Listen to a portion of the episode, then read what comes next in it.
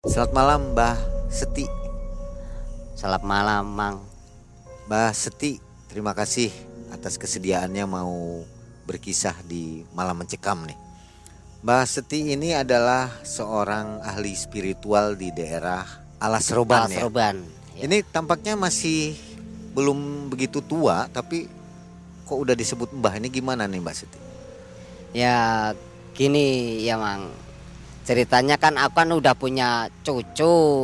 Jadi orang-orang tuh manggilnya daripada Mas kok masih muda tapi udah punya cucu dibilang Mbah. Mbah Jadi gitu yang loh. lain ikut-ikutan ya. Ya, yang lain jadi ikut-ikutan panggil Mbah gitu. Tapi saya dengar Mbah Seti ini juga ahli spiritual, sering mengobati warga-warga dari Alas Roban juga dari luar daerah sini ya. Ya, ya, ya. Nanti Mang. Kita dengar kisahnya lah. Ya. Siapa itu Mbah Seti ya? saya agak bingung nih namanya Seti atau Seti gitu. Ya. Mbah, kesibukan hari-hari apa Mbah? Kalau aku sih kesibukannya sehari bekerja di PTP, karyawan PTPN 9. Tapi di sisi lain kan orang kan sering minta tolong lah, padahal aku sendiri kan masih orang bodoh. Tapi akhirnya dengan berjalannya waktu mungkin Allah Allah yang menuntun saya. Dengan begitu akhirnya ada yang percaya gitu.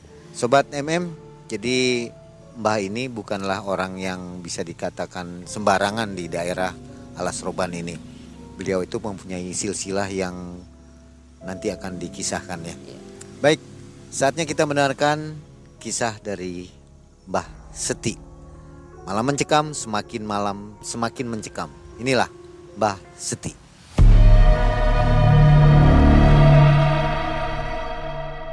Ini Mang, saya menceritakan jati diri saya dulu dulu ya tentang diri aku sendiri. Dulunya tuh aku orang bejat, orang yang ibarat tuh orang yang nggak karuan lah di tahun 2010.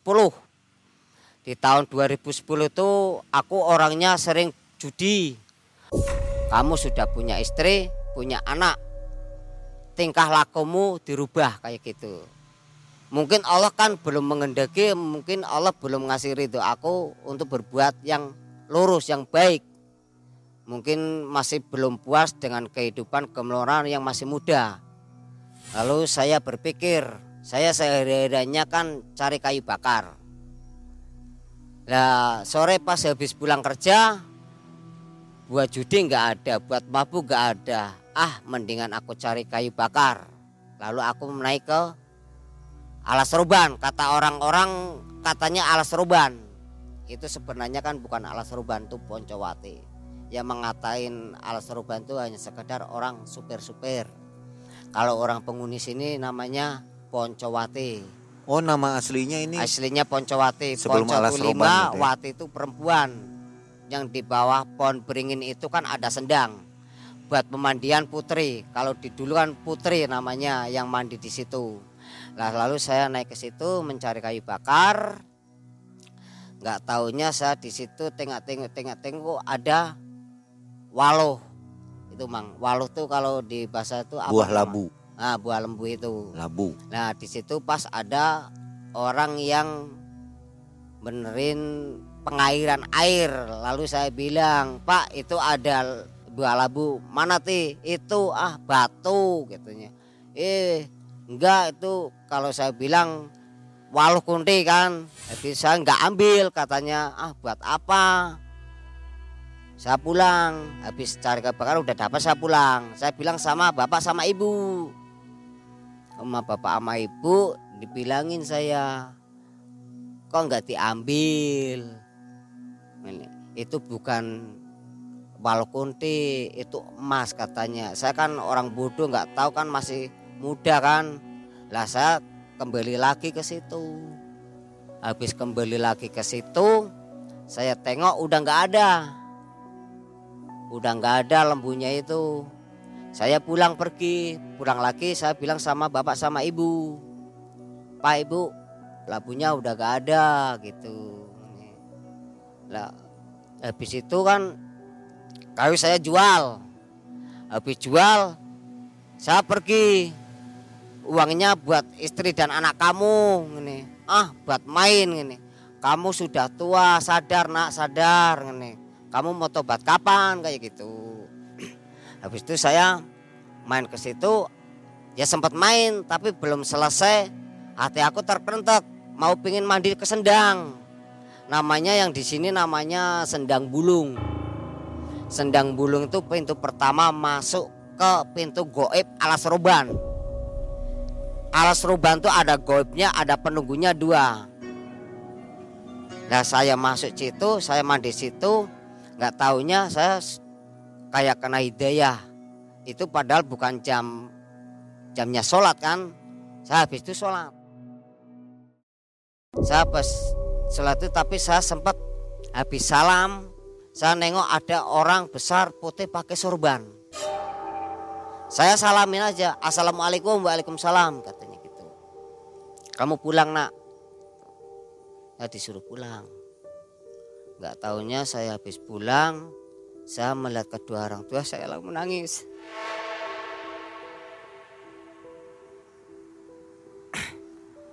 Habis itu kerentek hati saya.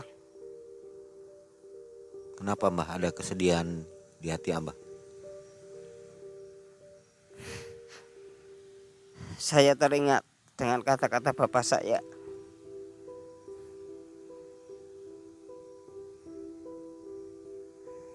Beliau berkata apa, Mbah?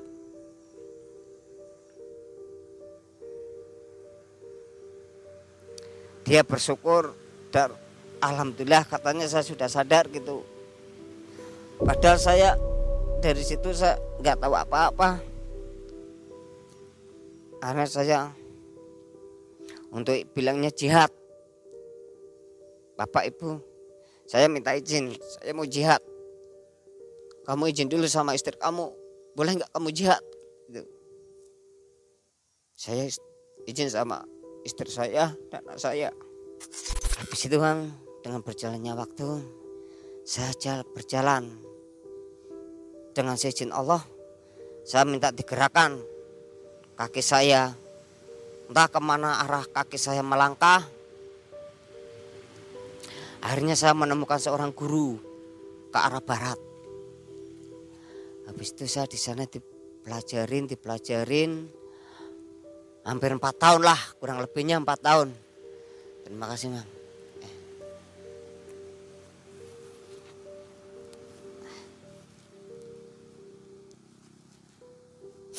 Kurang lebihnya empat tahun. Habis itu saya di sana digembleng kayak gini kayak gini. Udah kamu sudah selesai belajarnya lalu kamu pulang. Aku pulang. Langsung aku nemu kedua orang tua aku dan istri dan kedua anak aku. Nggak taunya dengan berjalannya waktu itu entah dengan angin apa. Tiba-tiba kakek saya datang. Nak mumpung mas kakek masih hidup kamu mau nggak jadi juru kunci Poncowati? Ah nggak mau mbah. Aku mau mencari jati diri aku dulu. Saya bilang kayak gitu. Ndak kamu sudah sampai ke jati diri kamu udah ketemu. Ndak belum. Belum sepenuhnya mbah. Oh ya udah. Sampai kapan kamu mau kayak gitu?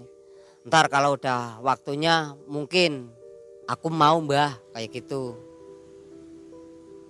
Habis itu kan perjalanan aku kan mencari jati diri kan belum selesai. Aku berjalan lagi mencari ridho sama kedua orang tua dan anak istri. Dikasih ridho saya berjalan lagi. Berjalan berjalan berjalan. Tahun 2017 saya pulang lagi. Simbah sudah nggak ada. Simbah sudah nggak ada Lalu bapak sama ibu bilang mendapat amanah dari kakek. Katanya saya disuruh nerusin menjadi juru kunci alas roban. Saya tetap kokoh nggak mau. Tapi kalau ada orang yang mau minta mau apa di situ, saya bisa kayak gitu doang. Tapi saya kalau minta dibilangi juru kunci, saya nggak mau. Saya bilang sama orang-orang kayak gitu. Akhirnya dengan berjalannya waktu saya masuk ke dunia lain. pintu pertama dengan bertemu dengan Kanjeng Ratu.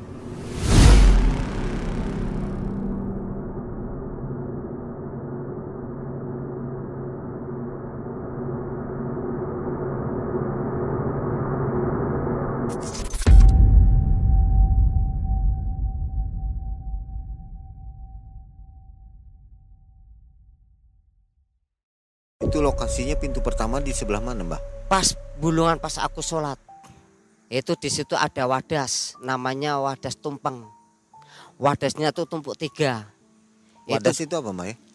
batu, Batu. batu yang batunya itu kelipatannya tiga, satu dua tiga. Itu mempunyai motif sendiri-sendiri. Habis itu saya salam di situ, nguring-nguring di situ. Ada seekor harimau di situ. Saya salamin, assalamualaikum. Heranya itu loh, macanya tuh bisa salam juga. Dia menjawab, waalaikumsalam warahmatullahi wabarakatuh. Orang ini yang saya cari katanya harimau. Saya disuruh nguri-nguri, disuruh mengelola yang ada kop waduk wadah ala serubang. Tapi saya tetap kekeh nggak mau. Akhirnya ada seorang pengunjung entah itu dari mana mobil mewah datang ke situ. Bilang, "Dik, saya mau tanya, juru kunci sini mana?" Udah meninggal, saya bilang gitu. Lah siapa itu kakak saya? Lah penerusnya siapa? Penerusnya nggak ada. Saya bilang, lah situ mau ngapain? Saya mau ambil emas, mau ambil barang. Kok semudah itu bilangnya kayak gitu saya. Biasanya kalau yang mau ambil barang di situ ada sesajinya. Oh siap, saya siap. Sesaji apa pun saya siap. Tapi yang datang mobil itu ada spiritualnya juga. Dia bilang, situ spiritualnya ya juru kuncinya situ ya. Bukan saya bukan juru kunci. Cuma saya bisa menuntun ke arah dunia yang anda tuju. Saya bilang kayak gitu. Akhirnya dia ikut sama aku kan. Habis malam kita ritual bersama. Akhirnya masuk ke dalam goib pintu goib pertama. Di situ sudah disambut dengan klonengan-klonengan lagu Jawa dari Kanjeng Ratu. Dia untuk dipersilahkan tujuannya mau apa mau apa. Dia akhirnya mau menuruti semua persyaratannya. Dia akhirnya sukseslah dalam jangkau satu malam. Akhirnya menyebar suara itu keluar. Menyebar itu suara itu. maaf, kekayaan, mencari Ya kekayaan. mencari kekayaan. Itu pintu pertama jalurnya banyak. Yang satu mencari kekayaan kan ada empat. Di situ ada empat. Yang satunya minta gaman.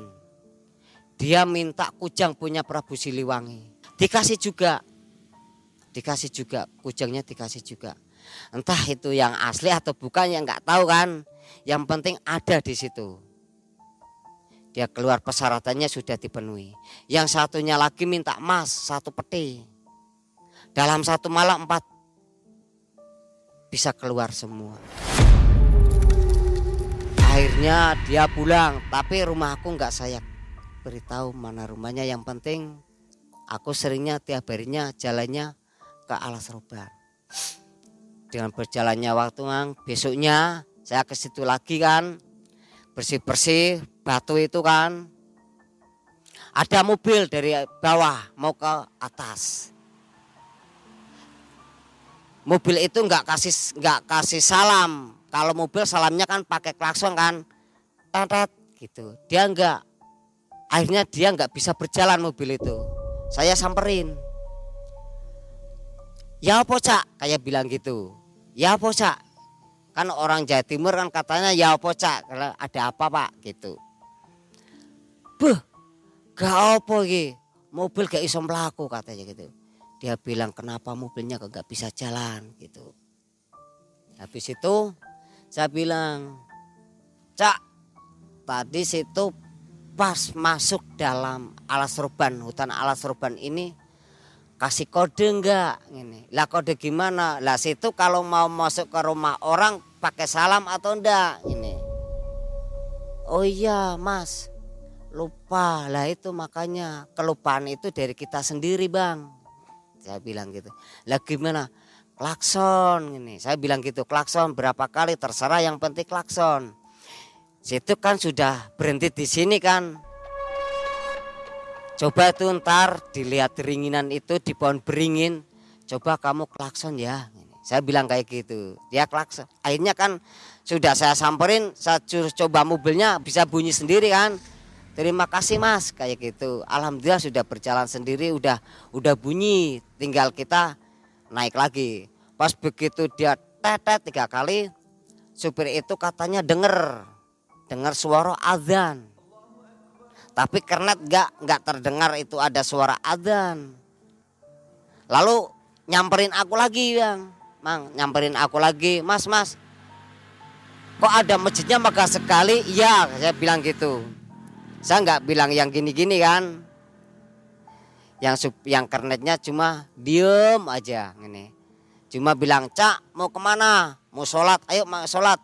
Sholat mana ini hutan? Ini pohon beringin. Masa ada masjid di sini? Eh ada gitu. Bilang kayak gitu.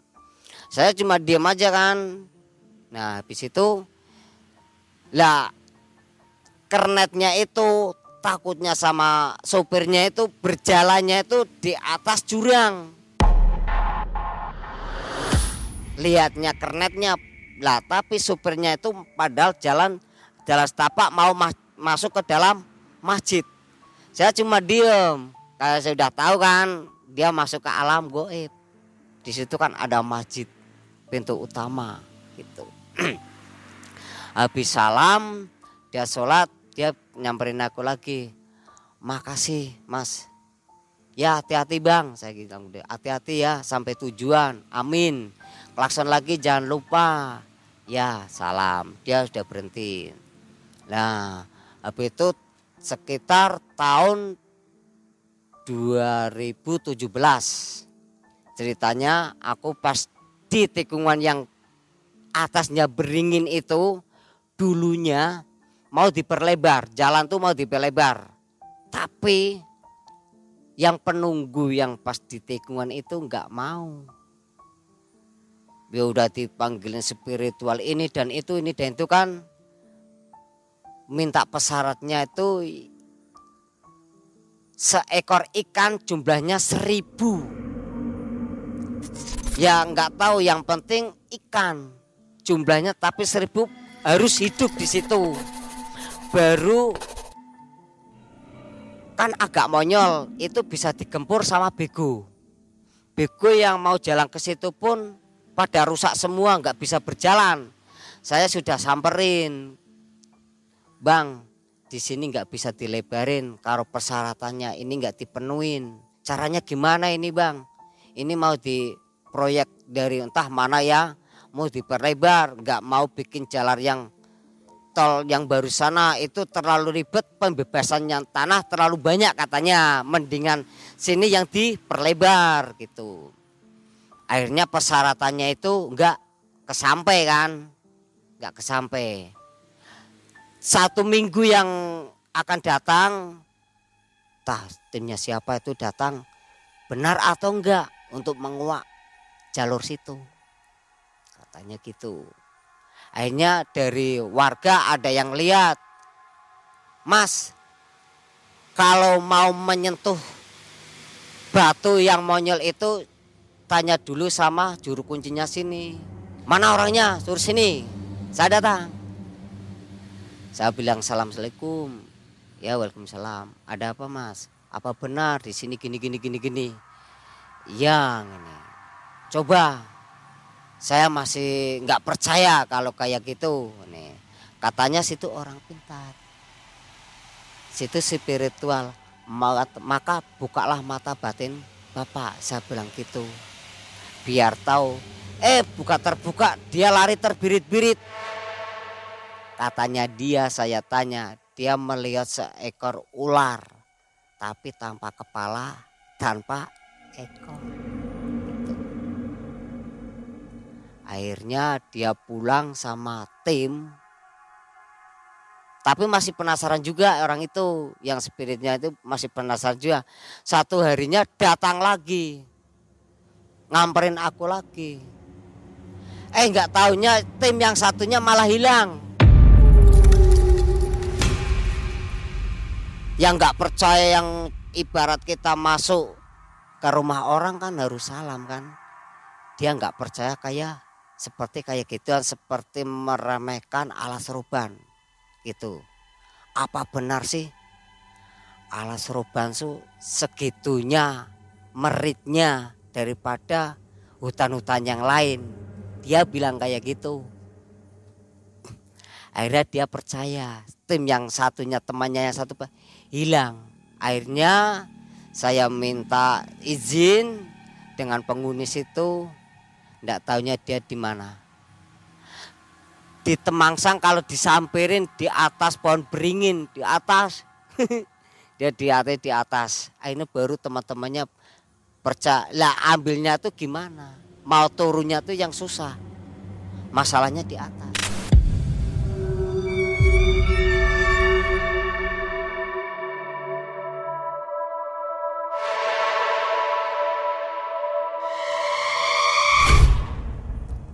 Masa kita mau ambil keren kayak gitu? Siapa yang bisa manjat? Saya bisa.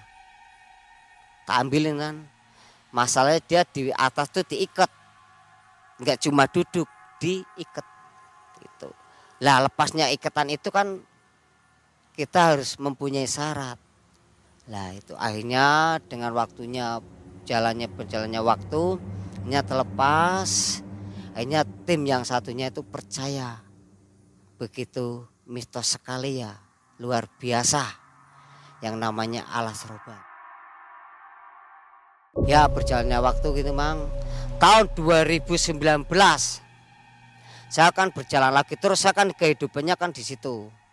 Ya akhirnya tahun 2019 saya berjalan ke situ saya menemukan yang namanya kampung lagi di situ. Aneh saya di situ menemukan kampung. Masa di sini ada kampung? Kayak gitu. Saya bersilah di situ salam menemukan tapi kampungnya itu bukan orang dewasa.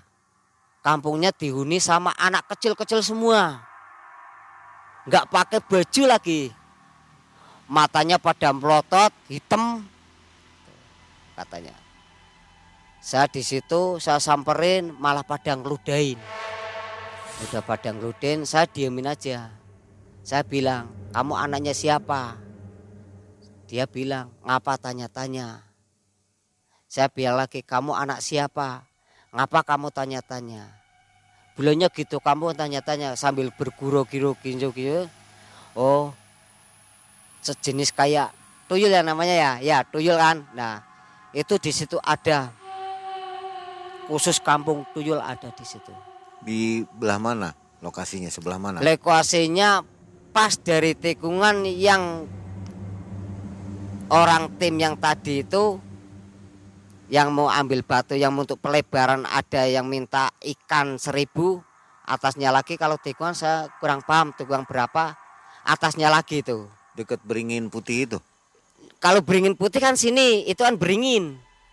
Anggrung kata-kata orang setempat. Karena buahnya itu bukan kecil-kecil besar-besar segini, anggrung katanya. Itu ada di situ tempat anak kecil-kecil. Itu oh paling jel sekali. Sering mobil kecelakaan tragedi.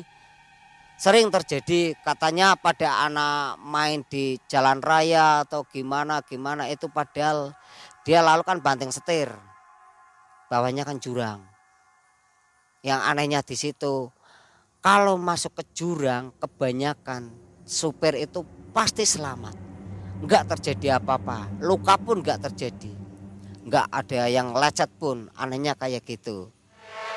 Nah hampir itu saya berjalan lagi, telusuri lagi, menembus lagi yang namanya PKI itu.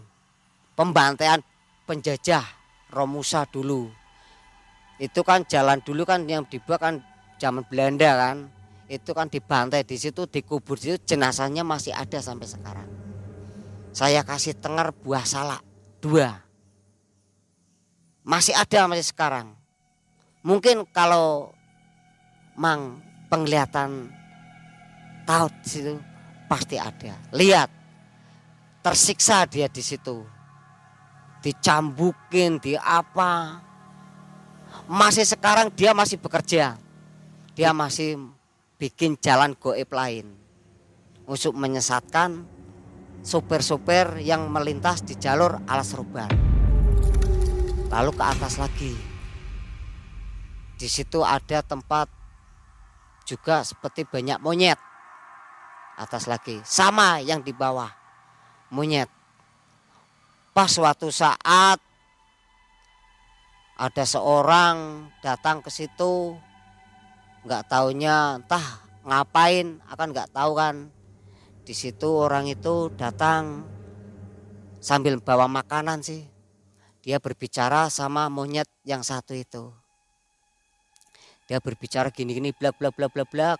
Minta katanya minta pesugihan sama monyet itu. Akhirnya dia untuk disuruh mungkin dia di situ disuruh semedi lah. Untuk tirakat di situ disuruh monyet kan satu malam dia mungkin mendapatkan hidayah dari monyet itu disuruh pulang. Disuruh pulang, sehabis pulang tapi dia menemui dulu aku. Saya mbah, mas, saya mau pulang dulu. Makasih ya, makasih. Makasih apanya? Saya sudah dikasih pembiayaan kamu. Saya mau bawa pulang ya. Ya, saya bilang gitu. Ya, bawa pulang. Dia sudah bilang, digendong kan digendong gini tapi tidak taunya jarak 10 menit apa apa. Hilang yang di, yang digendong itu yang digendong udah hilang. Mbah kau nggak ada? Nggak apa-apa saya bilang gitu. Nggak apa-apa sudah pulang aja. Dia dari rumah berjalan kaki karena dia seorang pengusaha yang bangkrut. Dia seorang pengusaha yang bangkrut istri diambil orang anaknya pada semua udah bangkrut lah total bangkrut dia mencari jalan pintas pesugihan di monyet itu. Nah dia pulang masuk ke kamar, nggak taunya di kamar itu sudah ada monyetnya. Yang uangnya itu yang luar biasa di atas kasur. Setiap lemari dibuka ada uang.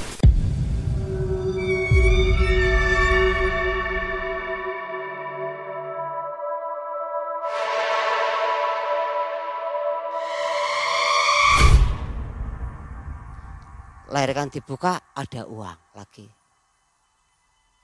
Saat itu dia pulih kembali kan. Pulih kembali bilang sama teman, sama temannya, temannya ke sini. Mencari nama saya, orang yang di alas roban kan sering ada orang yang minta-minta. Yang ngatur jalan itulah, yang ngatur jalan itu. Mas mau tanya, juru kuncinya alas roban mana? Yang namanya Mbak Seti katanya gitu. Oh, dia orangnya nggak menetap, sering jalan-jalan. Mas katanya di sini ada pesugihan monyet. Orang setempat malah pada nggak tahu. Oh saya kurang paham, kurang tahu. Saya coba tanya aja Mbak Seti, lah Setinya ke mana? Saya juga tahu orangnya nggak pernah di rumah sih, sering jalan terus mungkin akhirnya ridhonya orang itu dia ketemu sama aku tapi aku masih mencari kayu bakar. Karena setiap harinya kan aku mencari kayu bakar. Dia bilang kayak dengan kayak gini bla bla bla bla. Akhirnya saya nggak mau. Ibarat saya menjerumuskan orang itu ke jalur yang sesat. Lalu saya disuruh orang itu saya dapat itu tak suruh mandi. Ke sendang situ bulungan itu suruh mandi Habis mandi saya ajak ke rumah. Tak suruh sholat, pikiran, tawasulan dan sebagainya kan. Saya suruh pulang. Dia akhirnya malam menangis, merintih, besoknya ketemu aku lagi. Alhamdulillah bah, kayak gitu. Saya sudah menemukan jalur saya yang luar biasa. Terima kasih mbak. Akhirnya dia sukses juga juragan mie ayam. Itu akhirnya dia sukses dengan ridhonya Allah saya kasih tawasulan pikiran gitu akhirnya dia sukses. Akhirnya saya berjalan lagi kan sampai KM 13 pasar goib. Itu benar ada itu. KM 13 itu sebenarnya ada sampai sekarang pun ada. Itu namanya pasar yang dinamakan kopi pasar kopi. Kopi kopi minuman kopi pasar goib kopi tapi khusus kopi. Kopi apa aja pun ada di situ. Penjualannya tuh nggak ada yang laki perempuan semua. Nggak ada yang jelek cantik semua. Pakainya seksi semua baunya wangi semua. Saya telusuri di situ kan pasar goib yang KM 13 jualan kopi nggak siang nggak malam emang ada. Saya sempet di situ. Yang jualan tiga Mas, jangan diganggu ya jualan saya. Dia bilang gitu. Ndak mbak, apa benar di sini ada yang namanya pasar gini gini gini? Oh, jangan kayak gitu mas. Di sini nggak ada, ah, jangan bohong kayak yang bilang. Ya. Coba dong wujudin wujud asli kamu. Saya bilang gitu kan. Dia diwujudin. Ya, katanya juga itu serenggi yang jualan serenggi. Tahu nggak serenggi itu? Apa itu mbak? Serenggi itu bidadari yang dari babi. Babi yang kok kok kok gitu loh, babi itu menunjukkan jadi orang itu sebenarnya serenggi. Jadi kan yang jualan itu serenggi bidadari sering menyesatkan orang. Sering terjadi supir-supir yang Surabayanya itu kan dia kan nggak tahu alur sini apalagi yang masih supir masih baru. Belum alur tahu jalur alas roban.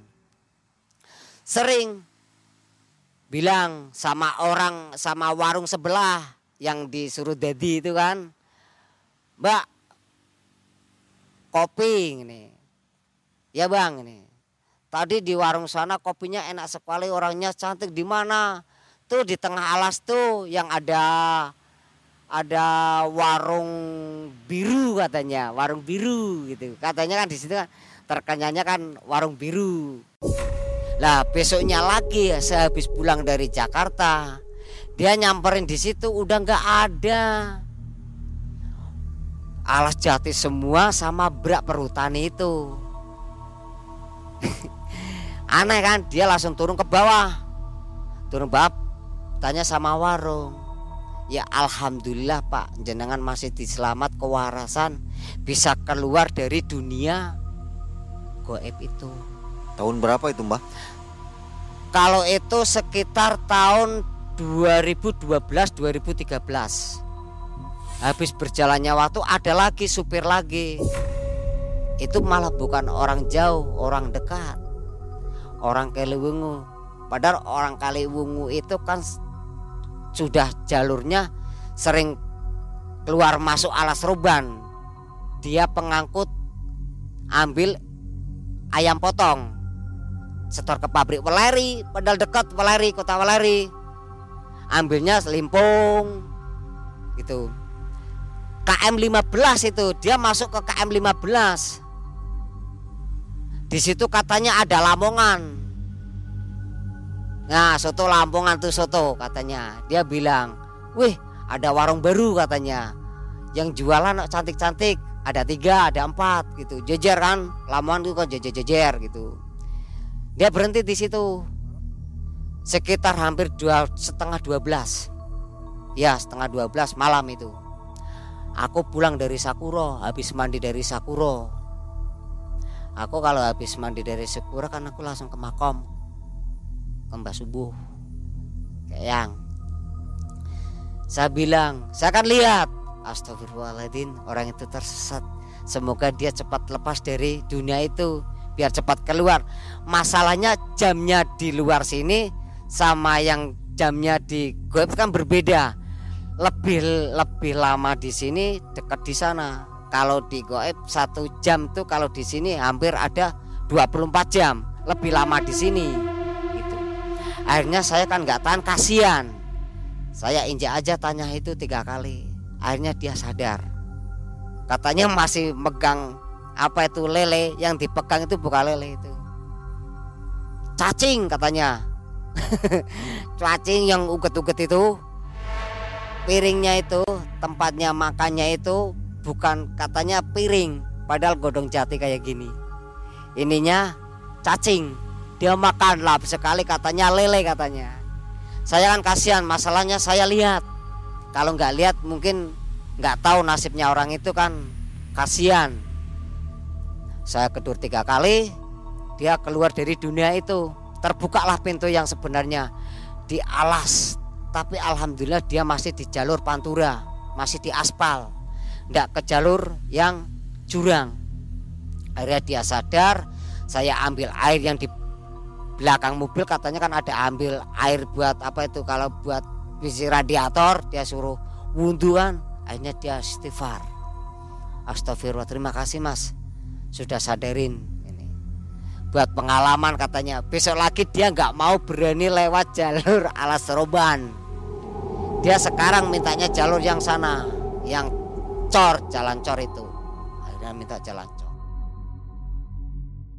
akhirnya belajar waktu ya aku berbuat tualang lah berbuat tualang lagi. Akhirnya sekarang aku di rumah mengurus yang dulunya saya terhembat termenti yang dari penurun Mbah Wali Subuh saya diterusin sampai sekarang ini. Tapi saya kalau dibilang dari juru kunci dari Eyang saya Abdul Rami Beki atau yang disebut Mbah Wali Subuh saya nggak mau saya mintanya ngurus nguri-nguri untuk mengelola biar nggak terbengkalai biar tahu kalau di sini ada petilasan Eyang Bawali Subuh Panjangnya berapa kilometer kalau jalan yang ini mbak?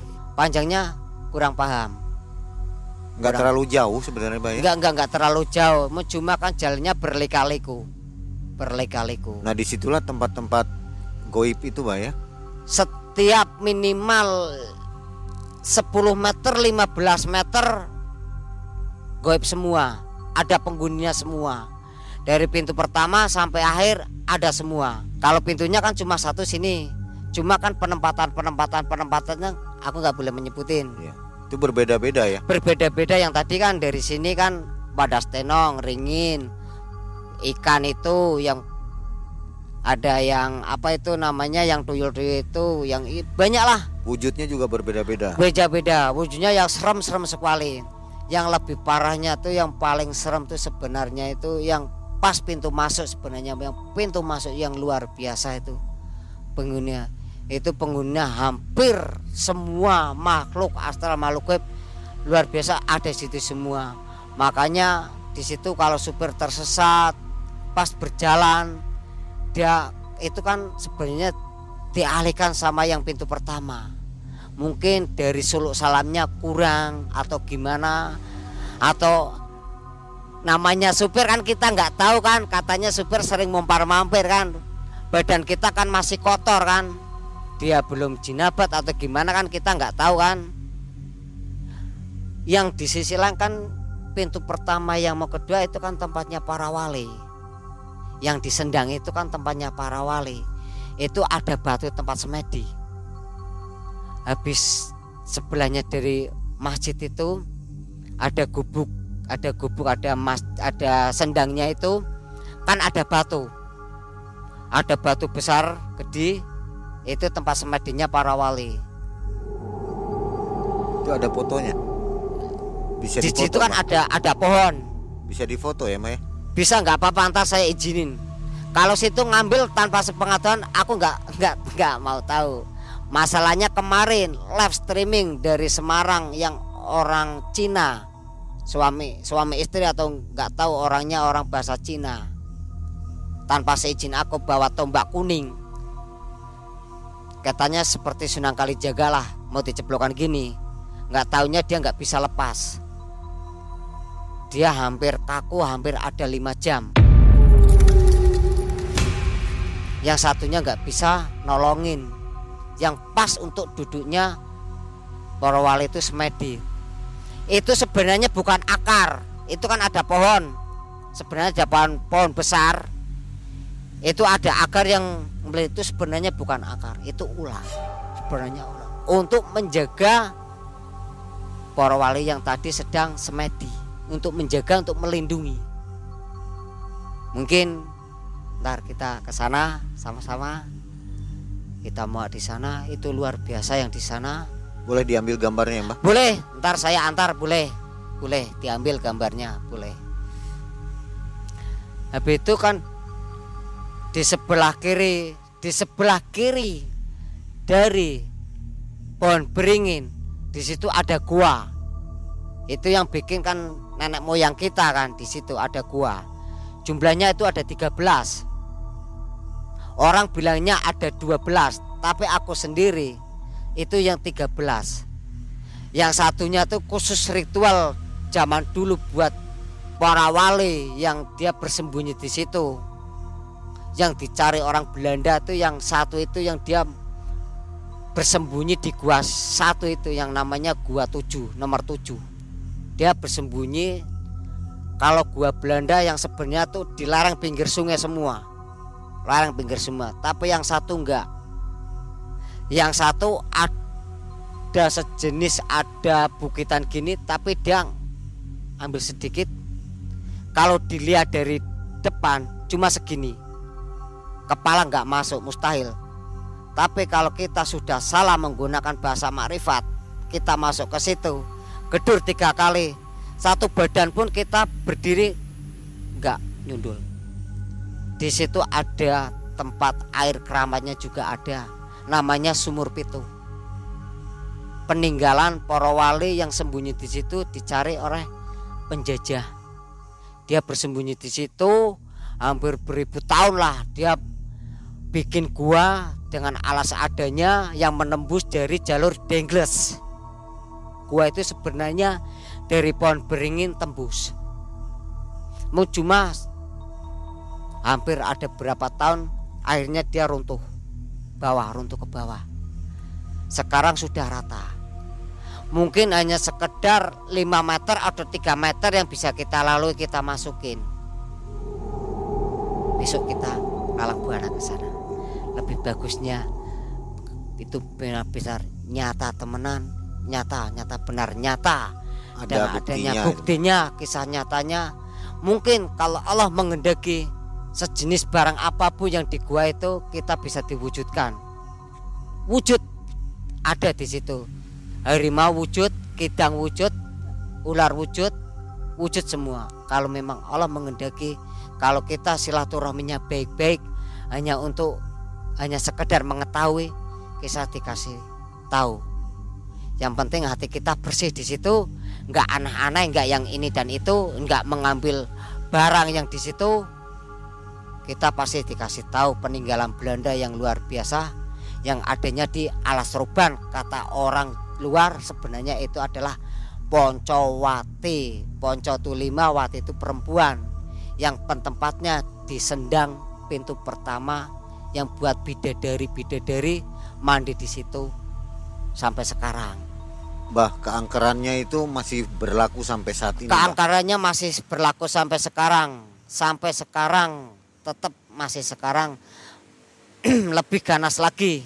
Sekarang Masih malah lebih ganas. lebih ganas lagi. Masalahnya dia masih ganas lagi.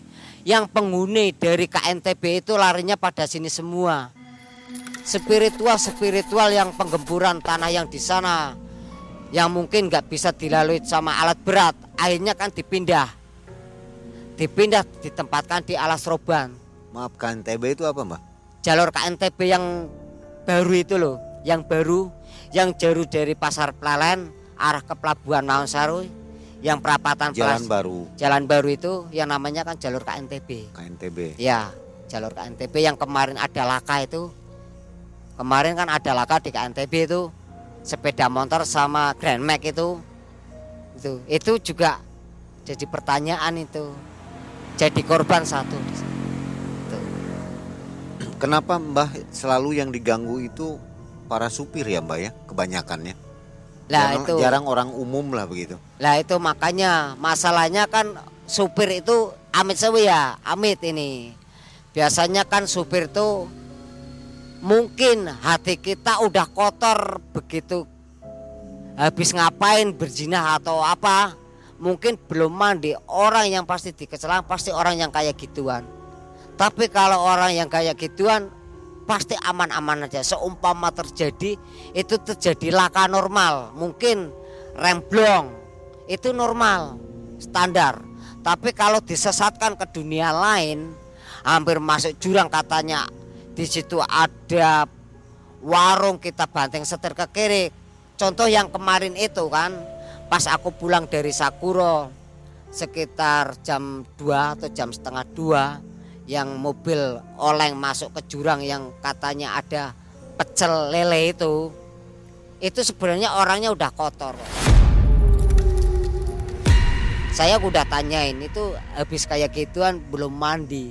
Kebanyakan kalau orang pikirannya kotor hati kotor badan sudah nggak bersih masuk ke alas roban pasti di kayak gitu pasti disesatkan dijalurkan ke jurang pasti cuma di situ kan nyawa nggak diambil mungkin hanya sebagian barang alhamdulillah nyawa enggak ada nggak orang-orang yang hilang bah ke alam itu sampai sekarang belum kembali? Ada, masih sekarang ada. Umur sekitar enggak enggak salah umur 12, umur 12 tahun. Anak-anak ya. Masih anak-anak, dia pun dari pihak keluarga sampai saya tanya sama aku. Dia sebenarnya sudah mau keluar dari situ, tapi yang penunggu di situ nggak mau membebaskan. Masalahnya dia masih belajar untuk mempelajari ajaran hakikat marifat. Katanya gitu. Saya juga bingung ajaran apa hakikat marifat? Saya agak-agak biar tahu benar gak ini yang diutus dari katanya orang bilang jin Islam. Jin gini jin gini. Itu yang mengislamkan kan manusianya sendiri. Nah anak itu hampir sekarang sudah ada lima tahun enam tahun. Masih tak cek sampai sekarang aku masih mantau anak itu masih dikiran. Dia masih belum hatam dengan 30 juz. Mungkin kalau dia sudah khatam dengan 30 juz apa yang dia pelajari dengan empat syariatnya itu dia mungkin sudah keluar dari dunia itu dengan simbol yang menuju ke Allah ke insan kamil dia baru datang keluar menuju ke dua orang tuanya. Sempat dia, ketemu nggak Pak? Dia sampai sekarang masih komunikasi dengan aku. Dia malah minta sama aku berhati-hatilah teman-teman sama bapak iya sama yang ya sama siapa Mang Mang hati-hati Mang sama teman-teman tim ya Mang yang yang di alas ruban sini walaupun Mang sudah aku udah tahu dari tim Mang ada spiritualnya aku sudah tahu ini kan di tempat orang lain. Bumi ini bukan punya abang. Kita harus ibarat salam, amit, kata dia. Oh belum belum belum jangan, dia belum nggak bisa. Ya gitu aja bang. Katanya aku untuk menyampaikan untuk berhati-hatilah. Kalau bisa kita jalur ke sini untuk disuruh mandi dulu menyucikan diri dulu kita ke tempat orang lain atau ke tempat apa habis ngapain kita harus ke mandi lah kita tanya sama tempat sekampung air keramat mana kita mau membersihkan badan dulu kata dia ada dua pemandian tergantung dari tim aku pun kayak gitu mau ambil yang mana apa sakuro atau sendang kata dia. Mandi dulu. Terima kasih dek. Ya terima kasih. Ya gitu kata dia. Ya, Aku sampai sampai sekarang kedua orang tua pun pasrah sama aku, Mas. Tolong dibantu ya, situ yang tahu, situ yang bisa melihat dunia yang kayak gituan. Iya bu, pak, saya bantu. Ntar anak ibu kalau sudah menuju ke hakikat marifatnya sudah menguasai empat zatnya dia akan keluar dengan sendirinya Wong dia tuh sebenarnya tuh masuk pondok SD, cuma pindah tempat, pindah tempat, pindah tempat. Mungkin ke tempat ini nggak cocok, pelajarannya terlalu keras pembimbingnya atau gimana, pindah lagi. Namanya juga masih anak kecil kan, kalau diberi pelajaran yang agak keras sedikit, dia kan tetap pikirannya kan langsung mutung ya kan bahasa itu langsung nggak mau kan kayak gitu. Akhirnya dari orang yang di sini bilang tanya aja sama Mbak Seti barangkali tahu anak situ ke mana. Dia kan sudah tanya sama pembimbingnya sama pengajarnya sama spiritual juga. Arahnya berjalan ke arah barat. Padahal dia tuh masih hidup kok sekarang. Dia masih ada sebenarnya masih gini dia. Masih silah pakai tasbih. Dia masih mau cuma untuk menjaga doang dikasih kamar sendiri. Dalam itu bang ya tapi sukmanya dia lagi belajar. Rogo sukmo kalau Rogo dibilang sukmo. dia lagi belajar tapi belajarnya yang paling kerih itu adalah belajar rogo sukmo daripada belajar awam. Kalau belajar awam kita bilang A entar satu jam lagi bisa B. Kalau kita sudah belajar sukmo rogo sukmo nggak bakal. Pasti tetap kokoh di hati kita. Pasti. Oke. Nah, sobat malam mencekam, bagaimana kisah bukan kisah ini sebenarnya? Bagaimana penjelasan dari Mbah Seti? Mudah-mudahan puas menambah pengetahuan tentang wilayah Alas Roban ya Mbak ya. iya iya Jadi jangan dianggap dianggap remeh lah dianggap remeh, dianggap remeh enteng, ya. dianggap sewenang-wenang bahwa gitulah daerah ini memang mempunyai kekuatan magis yang besar. Ya. Mbak ya. Dari penjelasan yang tadi, ya masih ada kisah yang lain nggak Mbah? Kisah yang Mungkin lain lain hari ya. sebenarnya masih ada tapi aku mohon maaf yang sebenar-benarnya nggak bisa lanjut Ya, ini mohon mungkin maaf. lain lain kesempatan ya Mbak mungkin ya. lain kesempatan kalau masih kasih umur panjang diberi kesehatan kita bisa berjumpa lagi yang langsung kisah nyata aja yang langsung tes gitu aja yang agak getar gitu Ya. ya gitu aja Baik. Ya. Sobat Malam Mencekam, akhirnya kita harus berpisah. Terima kasih Mbah Seti ya. ya sama-sama Jadi kalau main-main ke Alas Roban bisa berjumpa juga dengan Mbah Seti ya. ya ya ya Selaku kalau bisa disebut moderator pawang Alas Roban ini seperti bajunya. Seperti itu ya. ya Ini tulisannya seperti itu, moderator pawang Alas Roban.